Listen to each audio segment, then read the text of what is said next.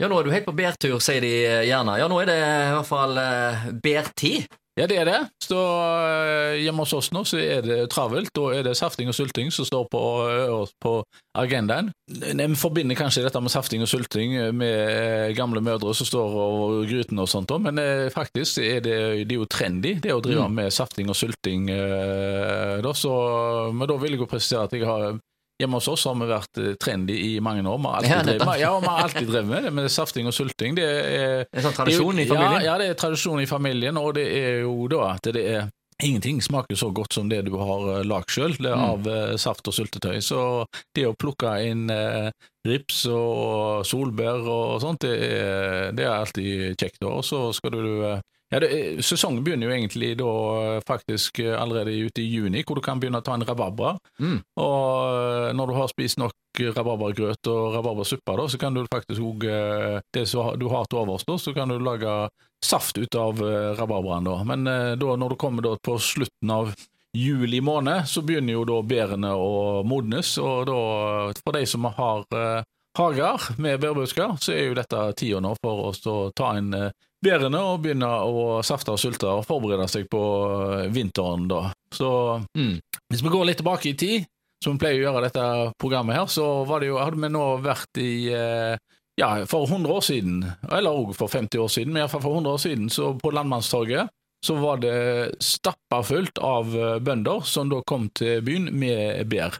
Bær var eh, en viktig attåtnæring i mm. Eh, tidligere tider. Altså, husker at For 100 eh, år siden så var to tredjedeler av folkene da de levde av enten fiske eller landbruk. og De hadde ikke store gårdene og mange dyrene, da, men de hadde da bær og, og frukttrær. Mm. Så på denne tida av året så, så, så, da, da, da, kokte det på torget? Da kokte det på torget, og avisene var nede og noterte prisene. Mm. Eh, og, og, rapporterte eh, da om dette prisene og sånt. Den der eh, da, det jo, kom jo fra det altså at på denne tida så gikk de rundt og så noterte ned prisene på både frukt og bær og sånt. Så det var daglige noteringer i avisene og fortelle om eh, prisene på rips og solbær og stikkelsbær osv. Så videre, eh. Så, og det var jo pris, fri eh, prissetting da. Var det lite bær på torget en dag, så steg prisene, og oh, ja. kom alle bøndene på en gang, så gikk prisene ned. Oh, ja, ja. Så, uh, det var ikke noe samvirke eller noe den gangen? Nei, det var, nei, nei, det, var det ikke, så, men det var jo relativt rimelig å kjøpe inn uh, bær, det var det.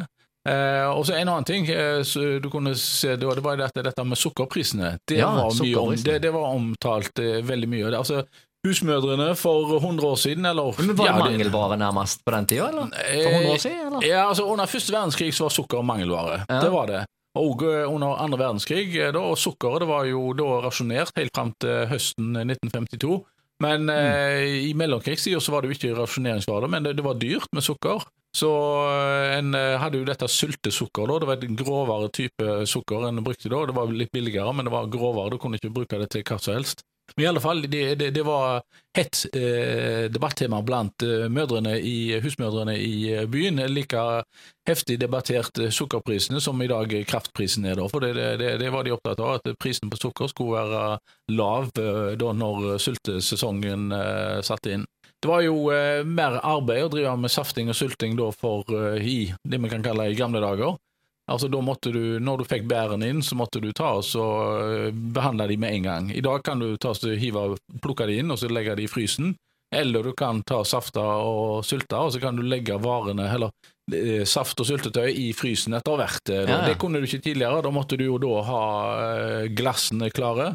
Og du måtte da ha konserveringsmiddel i og så videre for å få dette til å vare. da. Det var jo den gang de hadde kjellere med eh, hvor disse varene ble eh, Potetkjellere, sa de gjerne? Ja, potetkjeller. Eh, det hadde jo med hjemme hos oss. altså Hver høst så kom det da noen og fulgte opp potetkjelleren. Mm. Det, det, tror jeg folk hadde i Haugesund fram til iallfall begynnelsen på 70-tallet. At de, de fulgte opp med poteter og hadde for vinteren da. Så Forteller du det i dag til ungdommer, så ler de seg i hjel. Det er ikke at du går på Rema og kjøper poteter, men det, det, tidligere var det vanlig at du tok og så de, de som hadde hus, de bunkra opp og hadde poteter for uh, vinteren uh, og sånt, og de tok og så safta og sulta. Men uh, i alle fall det med safting og sulting, det er, en, det er noe som har tatt seg opp. da de senere årene blitt veldig populært, og blant yngre nå.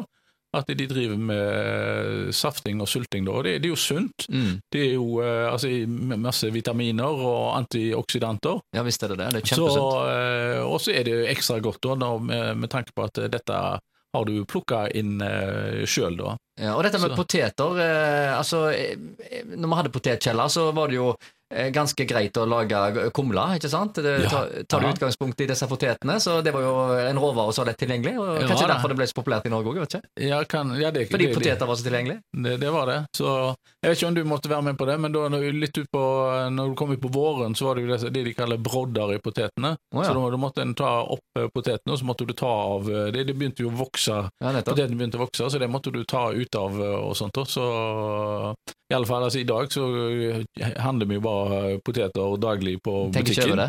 Så En annen ting er at potet, bruken av poteter har gått ned. Altså I dag bruker vi vel under halvparten av det poteter i husholdningene i dag, i, forhold til en generasjon eh, siden. da. Det med ris og pasta og sånt har jo eh, tatt eh, over, da.